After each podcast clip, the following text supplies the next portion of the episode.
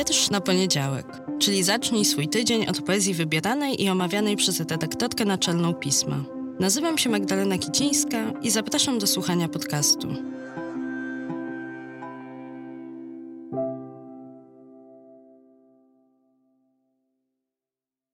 Cykl powstaje we współpracy ze Staromiejskim Domem Kultury. Cześć, dzień dobry, dobry wieczór.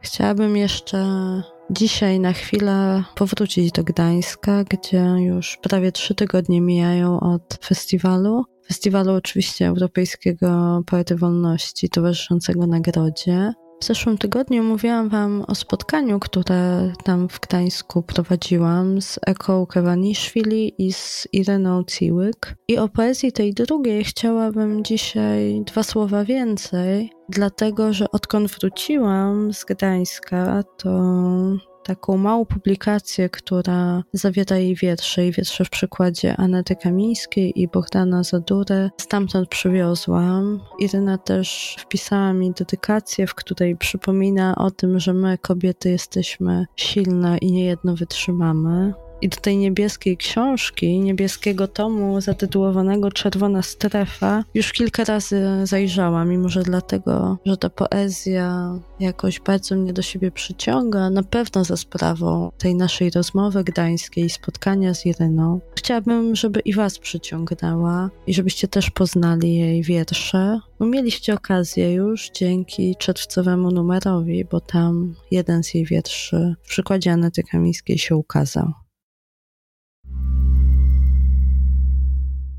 Iryna Ciłyk, żona Lota. Przełożył Bohdan Zadura. Czyta Maciej Więckowski. Niczego nie ma w tym kraju, mówi żona Lota gniewnie i pogardliwie.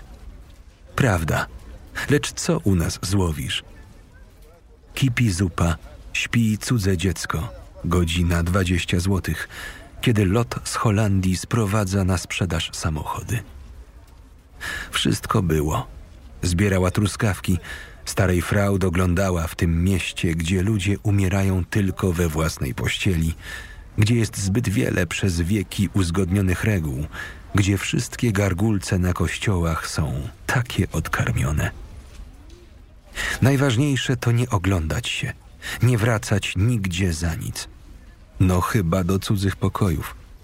Zdejmować buty i ubranie, pod gorącym prysznicem stać całą wieczność i zawsze zasypiać dopiero wtedy, gdy niebo robi się beżowe.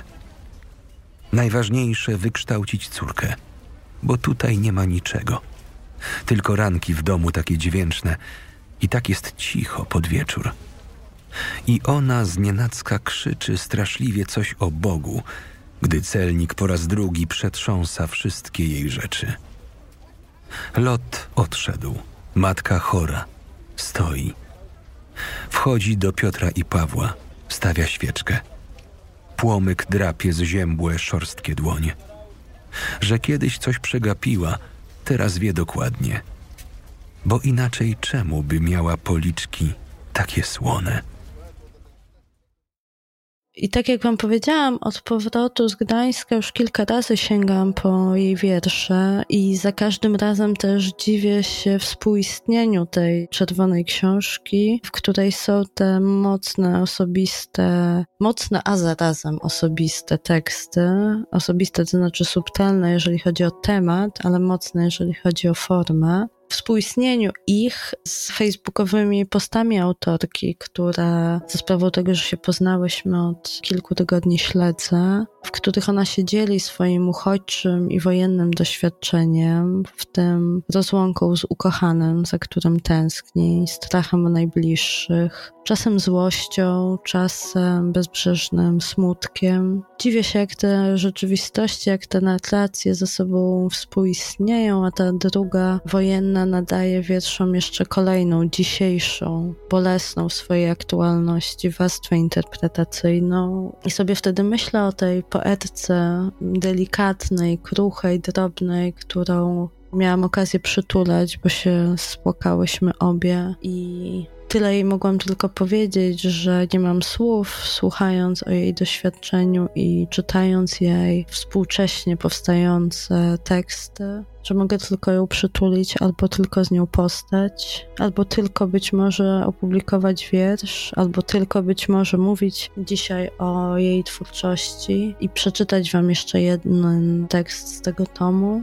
I tak sobie w tej bezradności stałyśmy, dosyć do siebie podobne, mówiące podobnym, być może poetyckim językiem. A tak bardzo daleka byłam od jej doświadczenia, i tak bardzo było mi przykro, że nic więcej nie możemy dla siebie zrobić. My, Polacy, dla nich, dla Ukraińców i Ukrainek. I chyba dlatego pewnie w tym podcaście i na naszych poetyckich stronach pismowych nie przestanę publikować tekstów Ukrainek i Ukraińców tak długo, jak ta wojna będzie trwała, co najmniej tak długo, jak ta wojna będzie trwała. I chciałabym oczywiście, żeby jej kres przyszedł jak najszybciej, ale póki się to nie stanie, póty bardzo Was zachęcam, żeby czytać, bo tak jak sobie w Gdańsku mówiliśmy wielokrotnie, wbrew naszemu poczuciu bardzo często, że to nie ma sensu, to ma sens. I Inna Ciłyk też to mówiła, że dla niej ważne jest to, że kiedy ona nie może czytać i kiedy ona nie może pisać, to są tacy, którzy chcą czytać i czytają to, co powstało też przed 24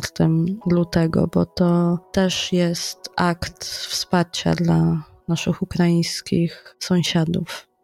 Wiersz, który przeczytam z tomu Czerwona Strefa, z tomu wydanego nakładem Versopolis, to wiersz bez tytułu w przekładzie Anety Kamińskiej. I wszystko, co teraz masz, to grupowe zdjęcie rodzinne z dziurami zamiast twarzy oraz dowody rzeczowe zostawione na miejscu zbrodni, nożyczki, wycmoktana landrynka, ślad po sandałku – to on, zupełnie okaleczony XX wiek, czas nieopowiedzianych historii, niewywoływanych negatywów, niepoznanych osób, nienarodzonych dzieci, nieczytelnych inicjałów wyszytych igłą z rybiej ości na sztywnym obozowym płótnie.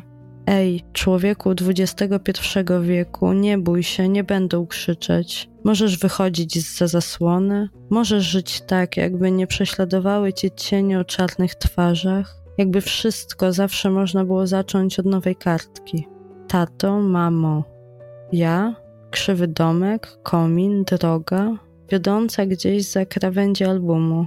I proszę, niczego zbędnego za tymi krawędziami, nigdy więcej.